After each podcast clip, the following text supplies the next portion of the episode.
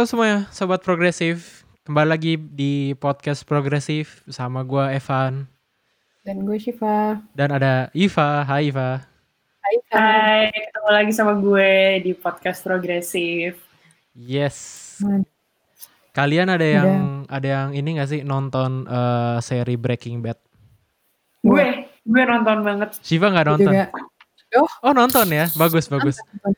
Kayak orang orang-orang tuh bilang kalau Breaking Bad eh, take place-nya di Kanada atau di UK atau di Jerman satu episode kelar. Kayak karena si Walter White kan ka- cancer kan, tapi karena di Kanada, di UK sama di Jerman healthcare sistemnya bagus, jadi kayak ya udah cancer obat pengobatannya gratis sampai beres semua, nggak perlu jadi drug dealer dan ketemu si Los Polos, Los Pollos Hemaños dan segala macem gitu-gitu kan. Jadi itu melambangkan banget sih gimana bobroknya healthcare system di Amerika dan kelihatannya Indonesia memang pengen jadi apprentice-nya Amerika sih ya nggak sih?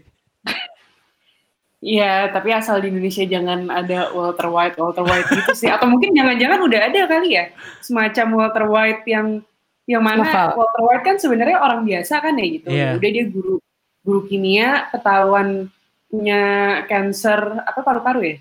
Iya kan? Iya. paru-paru udah stadium 4 terus ya jadi terpaksa mengambil jalur haram gitu untuk untuk membiayai pengobatannya ya nggak sih Iya. Hmm, kayak pasti ada aja nggak sih di di Indonesia dengan sistem healthcare yang serba mahal gini Gue rasa ada sih.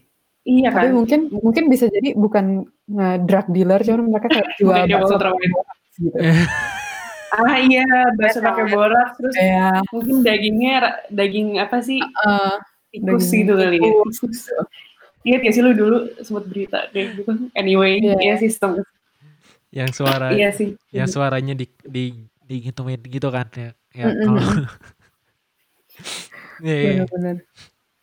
Kelihatannya tapi apa simpang siur mengenai kesehatan di Indonesia memang nggak pernah beres ya, nggak pernah ada ujungnya. Eh Kemarin eh, Bapak Presiden eh, muncul di YouTube gitu dengan konten terbarunya bilang, em, iya kita mau gratisin gitu karena saya mendengar aspirasi masyarakat kayak gitu. Tapi nggak nyampe 24 jam setelahnya dari eh, BPJS eh, Kementerian Kesehatan bilang eh belum tahu ya masih diurus dulu ya Eh, mungkin ada prioritasnya ya terus tiga jam yang lalu tadi Iva baca katanya Jokowi bilang yo gratis lagi gitu jadi simpang siur nggak jelas beritanya Iya, gue tuh pas denger kenapa sih? Enggak enggak lo lo. Oke. Jadi gue pas denger ada uh, Jokowi ngasih statement vaksin gratis tuh gue aja kayak merasa iya gue nggak tahu harus seneng apa gimana karena ini untuk standar sistem kesehatan Indonesia tuh menurut gue itu too good to be true sih. Iya nggak sih kayak gue nunggu nih kayak vaksin untuk eh iya vaksin COVID gratis koma tapi titik-titik-titik biasanya gitu kan Iya. kalau di Indonesia dengan sistem yang kayak gini dan pemberian informasi yang serba simpang siur kayak tadi Jokowi Hmm. ngomongnya Jokowi ngomongnya apa terus dari BPJS ngomongnya apa gitu jadi bingung nih masyarakat bikin gitu Hmm, hmm. Iya, Iya maksudnya yang yang gue perhatiin tuh di Indonesia informasinya nggak terpusat gitu loh, nggak nggak bukan satu orang yang ngomong tentang penanganan COVID gitu ya khususnya.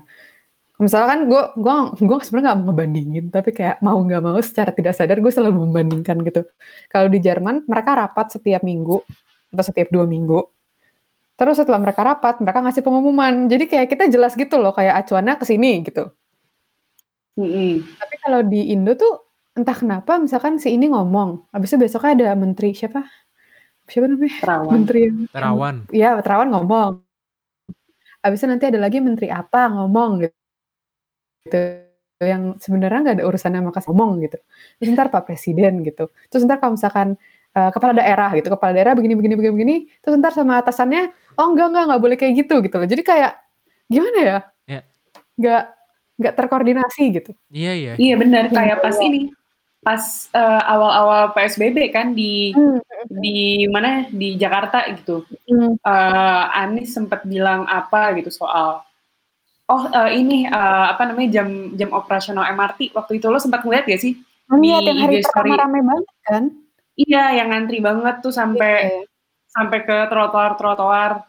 Nah, terus tiba-tiba besokannya dari pemerintah pusat bilang kayak, "Nggak boleh semua, eee, kewenangan ada di pemerintah pusat," gitu. Ngerti nggak sih? Kayak, oke di pemerintah pusat, tapi nyatanya ternyata di pusat juga beda-beda gitu informasinya. Balik lagi kayak tadi si yang vaksin gratis kan, presiden ngomongnya apa, BPJS ngomongnya apa gitu.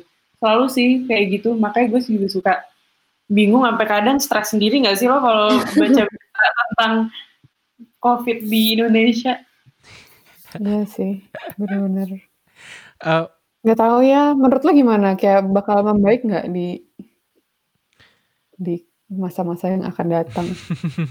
Di waktu Gimana nih, dekat? Van?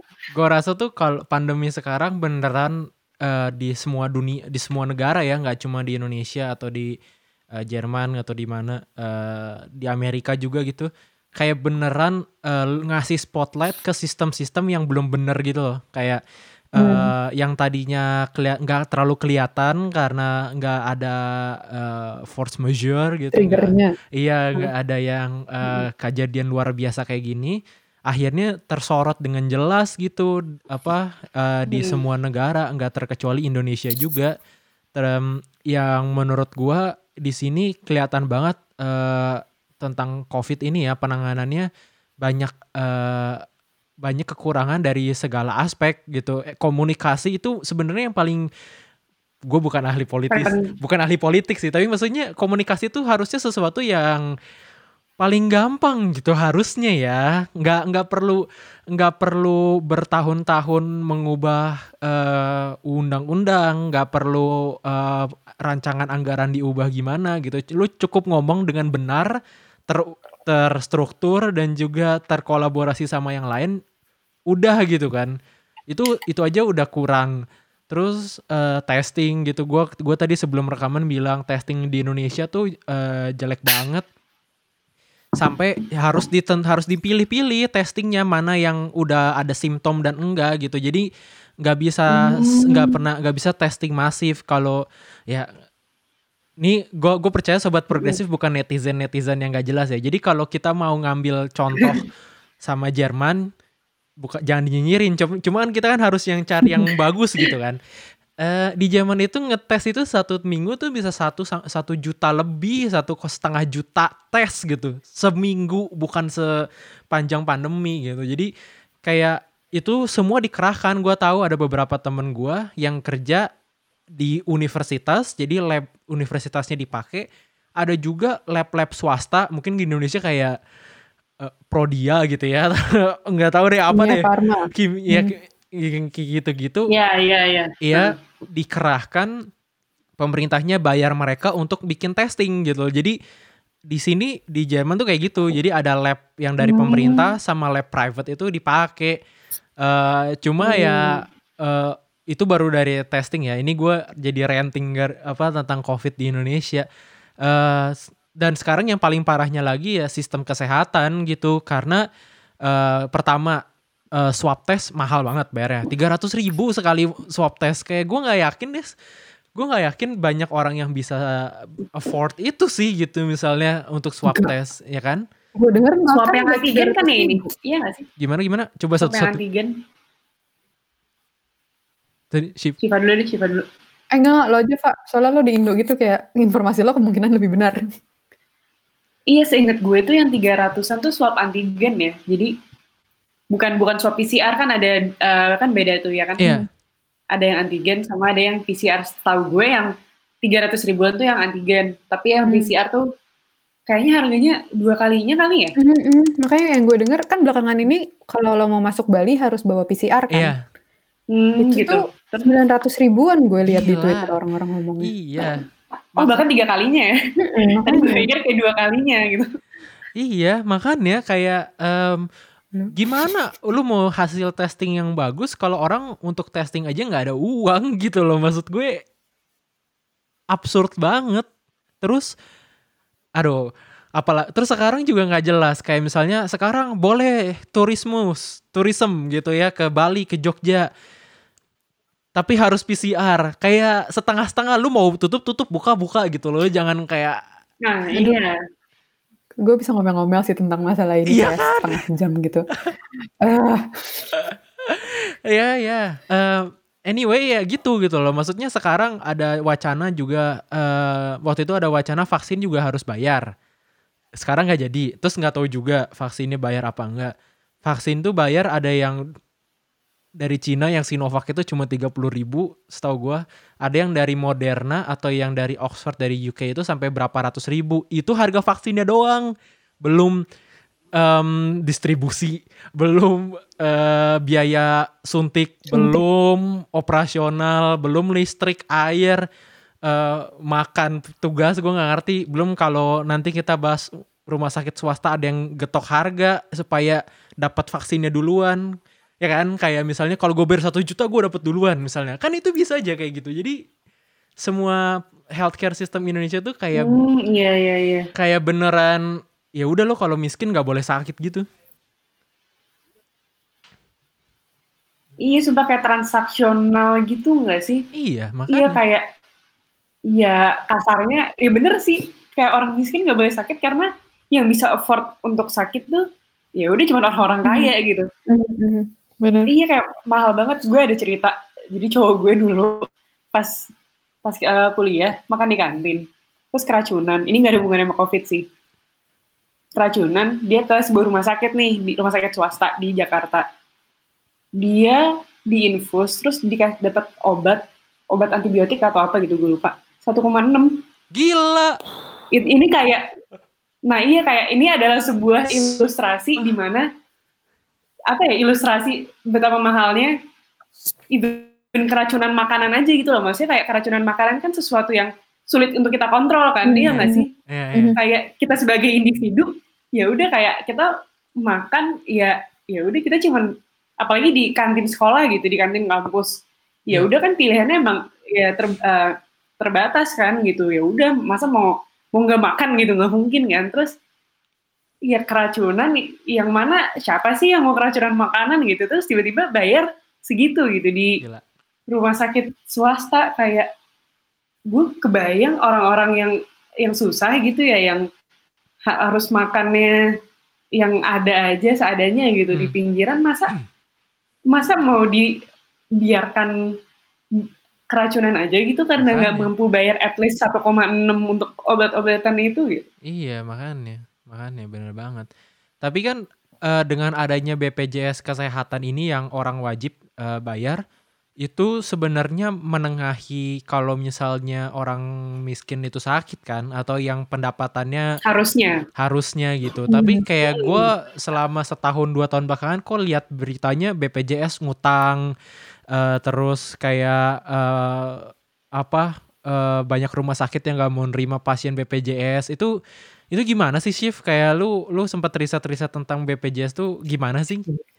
Gimana kayak ada yang lu Eh. dapat nggak gitu kesannya? Misal gini ya, misalkan digabungin sama pengalaman pribadi gitu. Hmm. Yang gue denger dari orang-orang sekitar gue waktu awal-awal ada BPJS, mereka kayak wah oke nih gitu. Iya. Soalnya beneran eh, rumah sakit rumah sakit punya pemerintah gitu di gue di Tangsel kan, itu beneran bisa kayak oh ya BPJS daftar masuk gitu, kayak Hmm. bayarnya enggak gitu. Itu awal-awal kayak semuanya masih baik gitu. Terus lama-lama rumah sakit rumah sakit menolak BPJS, misalnya menolak pasien Hmm. dari BPJS karena katanya uang dari pemerintahnya tuh nggak turun-turun gitu kan harusnya Hmm. mereka yang bayar si rumah sakit Hmm. kan. Tapi Iya, katanya iya. suka macet di situnya. Jadi mereka suka nolak-nolakin yang gue denger gitu. Hmm. Terus setelah gue baca-baca em, ada dari bidang advokasi BPJS gue baru tahu itu ada. Em, Gue juga baru tahu barusan ya ternyata kenapa hal itu bisa terjadi karena BPJS itu defisit karena pemerintah salah ngitung. Iya. salah ngitung, salah ngitung.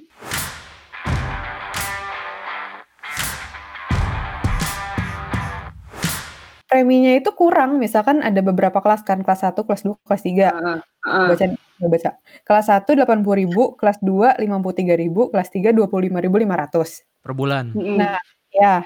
Nah, harusnya kelas 2 itu gimana? Ulang-ulang. Rephrase.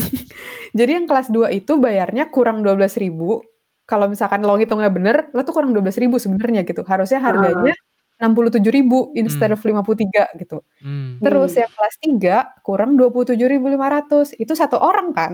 Kalau lo kali Mm-mm. berapa puluh ribu masyarakat Indonesia, jadi defisitnya 3,3 triliun tahun 2014. 2014 gila sekarang udah udah 2020 udah enam tahun Iya, berjalan. maksudnya itu kan gimana ya kelanjutan? jadi domino efek kan. Pertama lo salah ngitung, lo defisit, lo nggak bisa bayar rumah sakit, rumah sakit menolak BPJ, pasien BPJS gitu kan. Heeh. Jadi kayak memang ini salahnya tuh dari akar banget gitu sih. Menurut gue kayak Gila, Ya Allah, salah idenya tuh idenya iya kayak kayak the idea of BPJS menurut gue baik, Hmm. cuman eksekusinya ternyata kurang gitu pada prakteknya. Iya. Lalu ada lagi nih. Yang kedua adalah kenapa BPJS itu kurang efektif dan suka kontroversial? Karena menurut KPK itu ada fraud di dalamnya. Kaget nggak? Enggak kan? Kalau kalau ada ada KPK sebenarnya kayak- enggak sih, Iya sih. kaget kan?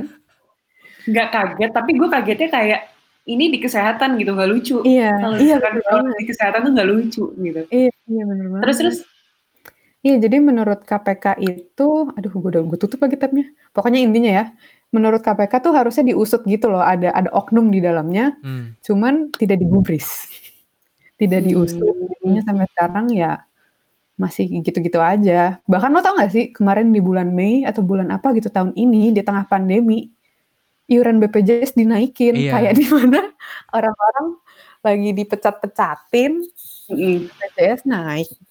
Dan se- sedangkan kayak pelayanan BPJS nggak memberikan apa-apa gitu loh. Jadi kayak Hmm. Iya. Iya. iya tapi salah ngitung. Salah ngitung tuh lucu kayak kayak kita pas SMA di kelas matematika kayak gitu ya. Iya nggak sih? Salah ngitung gitu. iya bener. pas ulangan. Tapi ini bedanya kalau kita kan ya udah ujian matematika gitu di SMA. Iya kan? Ini salah ngitung, salah ngitungnya anggaran gitu. Eh apa premi, premi. Iya. Iya. Premi salah ngitung yang menyangkut hajat hidup ribuan ratusan ribu orang gitu. Kok Iya. bisa ya? Itu masih akan masih jadi teka-teki buat gue sih. Hmm. Kayak gue belum research banyak kan tentang ini, tentang BPJS salah ngitung. Cuman ya habis banget. pikir sih gue. Iya ya. Parah banget. Eh apa? Gua nggak tahu tuh BPJS itu beneran cuma untuk operasionalnya dalam artian mengobati orang yang sakit peruntukannya atau juga misalnya contohnya untuk eh, meningkatkan kualitas pelayanan. Ada nggak sih? Kayaknya ada ya. Harusnya itu termasuk nggak sih BPJS? Maksudnya kayak em, rumah sakitnya diperbaiki, terus alat-alat kesehatan Hmm. em, apa alat-alat canggihnya gitu kalau bisa nggak cuma di kota besar doang tapi misalnya ada di kota-kota yang lebih kecil eh, supaya nggak semuanya ke RSCM lah atau nggak semuanya ke. Hasan Sadikin gitu eh apa gua sendiri kan sekolah gua tuh seberang se- deketan sama RSHS kan dulu di Bandung.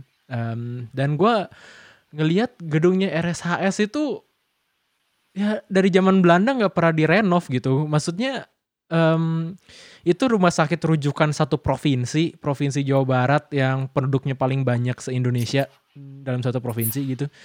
Em, tapi kualitas dari rumah sakitnya aja nggak nggak diperhatikan. Eh, jadi kalau kita mau ngusut ke akar masalahnya pasti mismanagement korupsi lagi balik-balik ke situ lagi kan gitu cuma em, kalian iya. kalian ada pengalaman pernah ke rumah sakit punya pemerintah gitu nggak sih atau kalian orang-orang yang sangat privilege terlalu ke rumah sakit swasta atau gimana Gue pernah ke rumah sakit pemerintah, rumah sakit angkatan darat. Tapi gue nggak tahu kenapa. ngapain Operasi amandel. oh Tapi jujur di situ gue nggak merasakan perbedaan pelayanan sih hmm, pada saat waktu gue masih kecil. Tapi iya. Em, iya sih. Kalau kalian, Ipa, Gue, gue alhamdulillah, gue belum pernah dirawat. juga Tapi belum kayak amandel. Iya, maksudnya kayak ya gue jarang jarang sakit sih. Cuman gue gue paling kalau sakit itu gue ke klinik, klinik Hmm. swasta sih dekat rumah. Mhm. Tapi ya ini udah nggak ngomongin rumah sakit pemerintah versus swasta sih. Ini udah bakal beda cerita lagi gitu. Kalau gue sendiri di klinik langganan gue gitu. Ya apa ya walaupun gue udah ke situ selama bertahun-tahun hidup gue, cuman yang tetap gue shock itu adalah harga obat sih. Hmm. Pernah kepikiran juga gak sih Hmm. harga obat di Indo tuh mahal gitu? Iya. Iya kan? Kayak Heeh. kenapa sih? Nggak terutama di rumah sakit ya, gue nggak tahu kenapa. Maksudnya gue kalau sakit, gue jarang, tapi gue ke rumah sakit swasta yang lumayan besar gitu. Cuman nyokap gue nggak pernah beli obat di situ karena menurut nyokap gue Hmm. jangan beli di sini, di sini mahal. Oh gitu ya? Iya. Iya iya iya. Iya. Ja- Jadi lo ke mana shift biasanya? Lo ke apotek di luar gitu? Iya, ada apa sih namanya yang warnanya hijau? Bukan Prodia tapi. M M Ya itulah yang ada Ya itu lah dua empat dua empat Kayak itu. apotek-apotek kecil gitu lah. Iya. Tapi ah ini Iya, juga semacam gitu lah. Iya. ini ini juga masalah obat ya. Eh, lu kan di sini shift, lu pernah sakit nggak? Pernah ke dokter kan? pernah, Di di Jerman. pernah. Eh, di sini tuh nggak pernah loh. Iya, Gua eh, dapat obat nggak pernah, nggak pernah di nggak pernah di resepin obat. Hampir nggak nggak ada, nggak ada Oh, gue nggak ada satupun. Paling paracetamol doang gitu. Eh bokap gue juga dulu kayak gitu sih. Dia dulu tuh kuliah di Belanda. Hmm. Terus kayak gitu juga katanya, nggak pernah bener-bener nggak pernah diresepin obat. Paling kayak ya udah obat yang apa sih itu istilahnya over the counter ya, yang ada di, Mhm.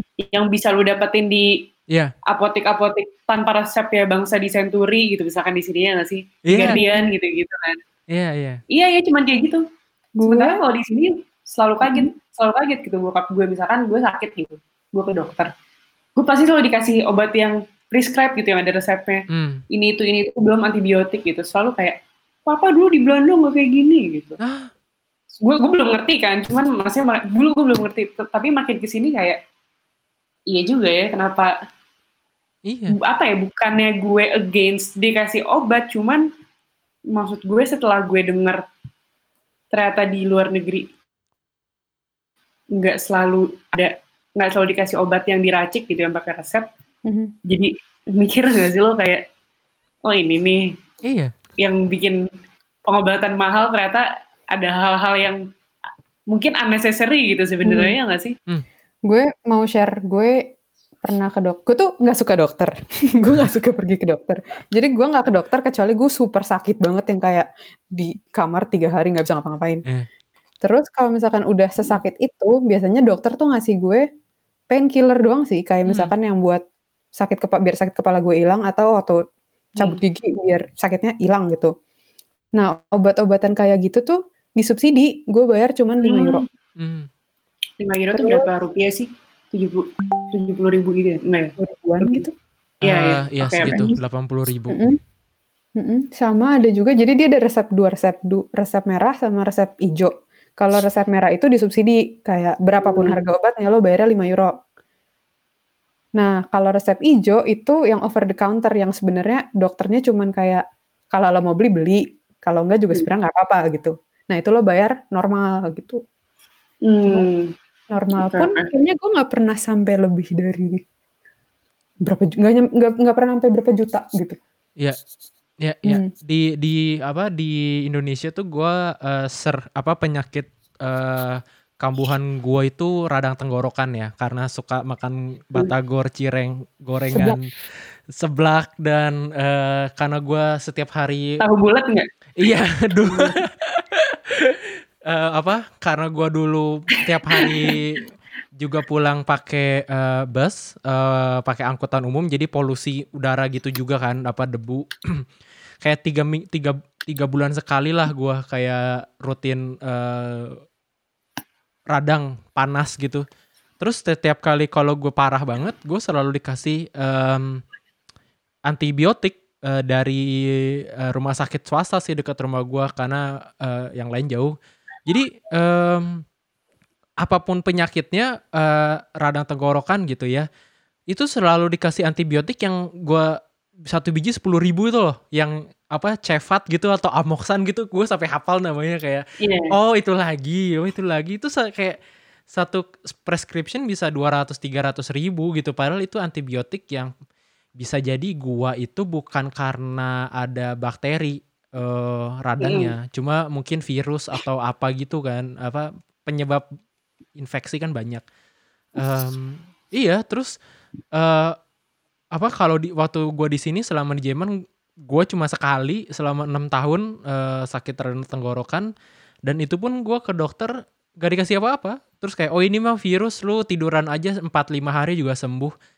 Terus gue nanya ada obat atau apa nggak? Nggak ada lu ada painkiller nggak? Ada di rumah. Ya udah itu aja. Terus banyak minum air aja udah istirahat aja sembuh 4-5 hari kayak bener. Gue rasa uh, pelayanan kesehatan juga balik lagi ke dokternya dan um, hmm, setuju. apa ya uh, semua sistemnya gitu sih. Jadi bukan bukan hmm. BPJS-nya doang gitu bukan asuransinya doang tapi seluruh sistem kesehatannya juga harus menunjang gitu. Jangan uh, ya kayak apa jangan sampai si dokter nih misalnya contohnya dia uh, kasih resep obat supaya dia dapat premi kayak gitu-gitu kayak kayaknya gue denger cerita ini di Amerika gak sih? Kayaknya di Indonesia gitu juga gak sih, Pak?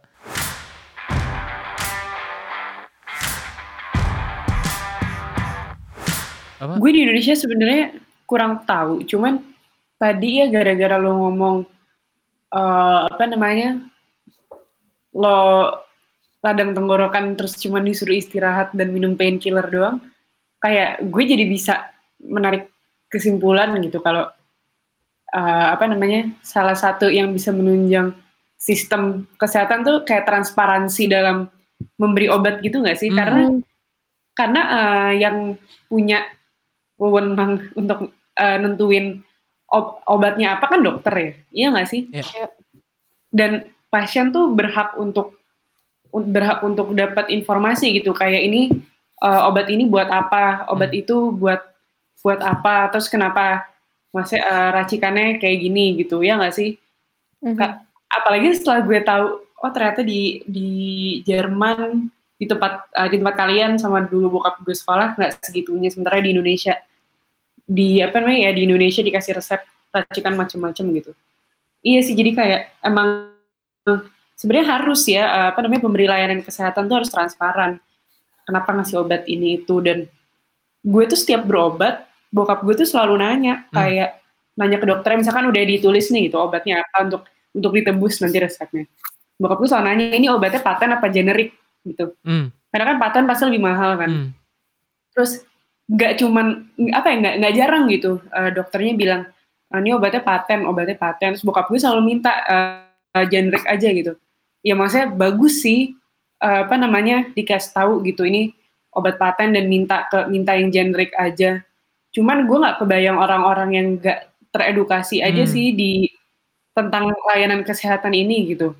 Iya nggak sih? Yeah, uh, yeah. Yang yang even nggak tahu gitu, be. Oh ternyata ada ada obat paten dan generik dan dua-duanya tuh bedanya signifikan. Padahal sebenarnya bahan aktifnya mungkin sama itu. Gue nggak ahli, gue nggak ahli farmasi sih. Cuman ya so far itu yang udah gue tahu. Hmm. Iya kayak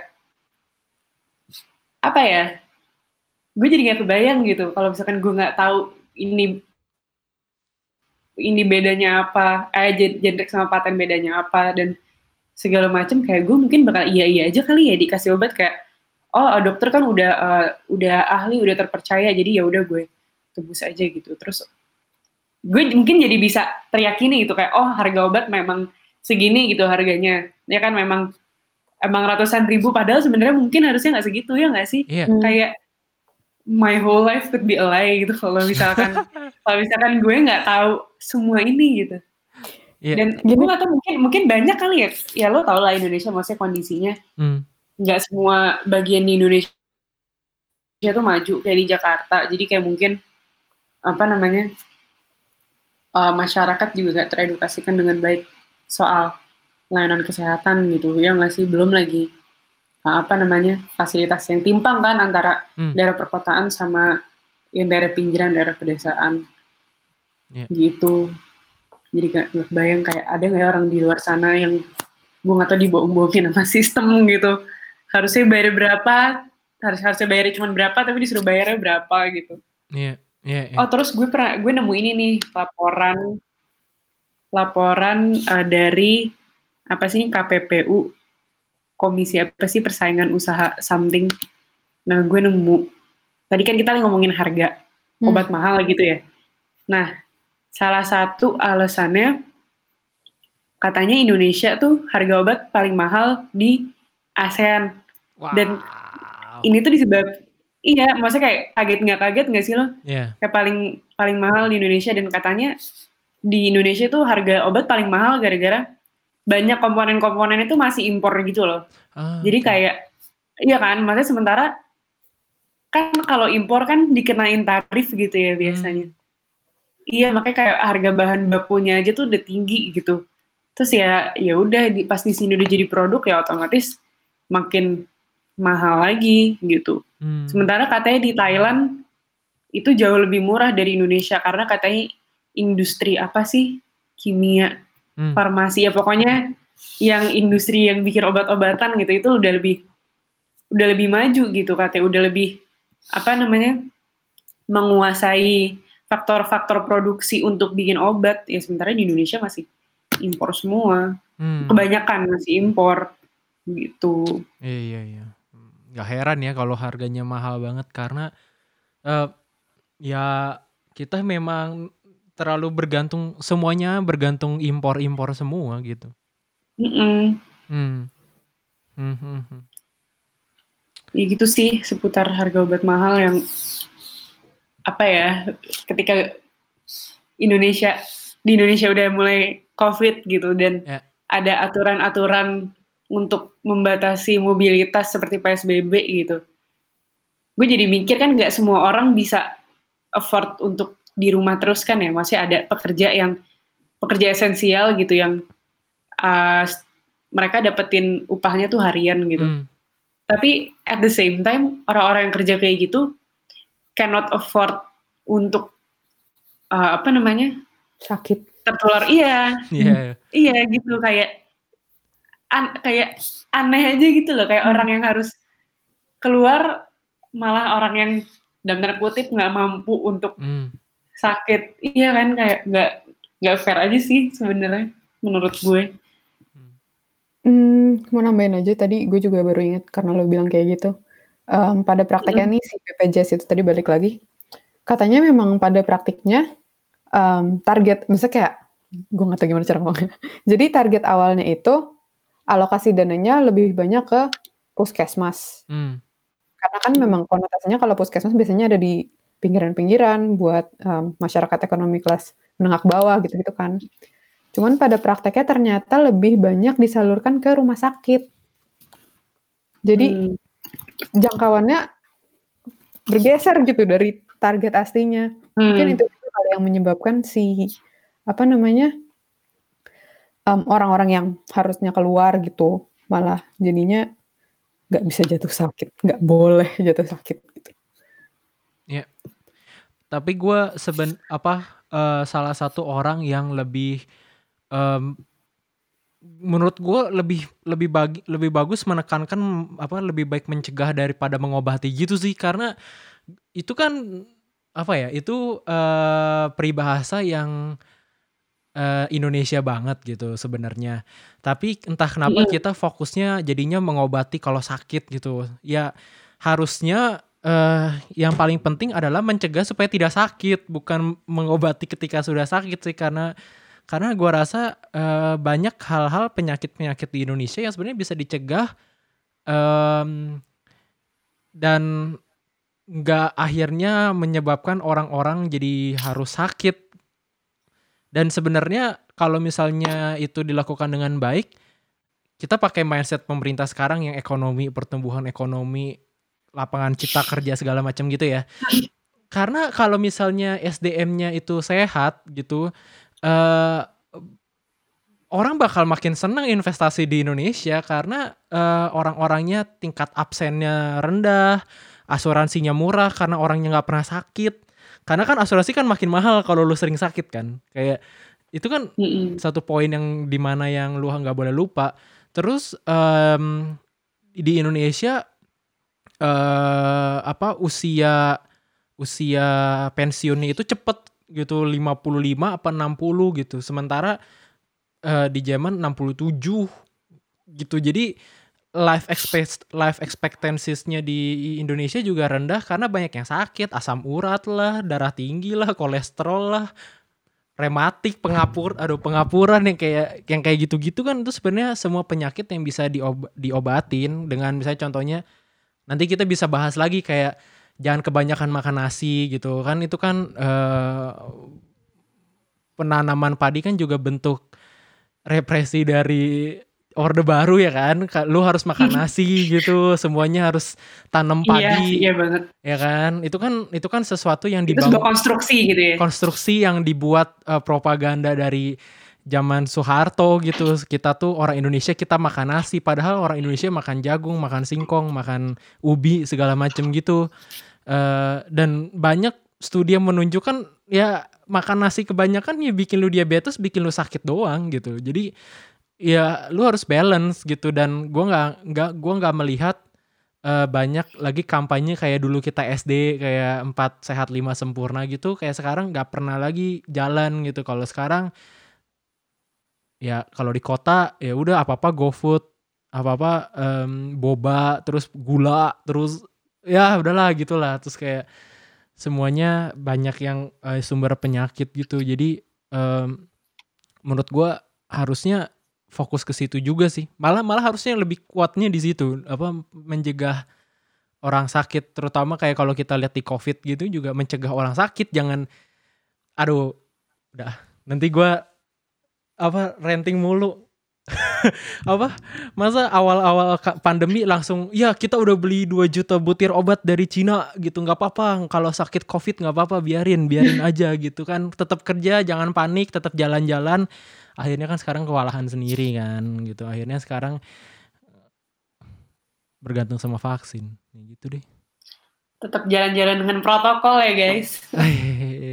Eh, itu Tetap liburan dengan protokol ya, jangan lupa guys. Aduh, ada ya apa ada influencer buzzer yang disewa buat buat ngomong gitu ya Banyak coy, makanya gue Banyak, banget. Banyak, iya kayak itu mungkin udah beda topik lagi kali ya. Kayak ya ya kita ya, bisa diskusi panjang lagi nih soal ya.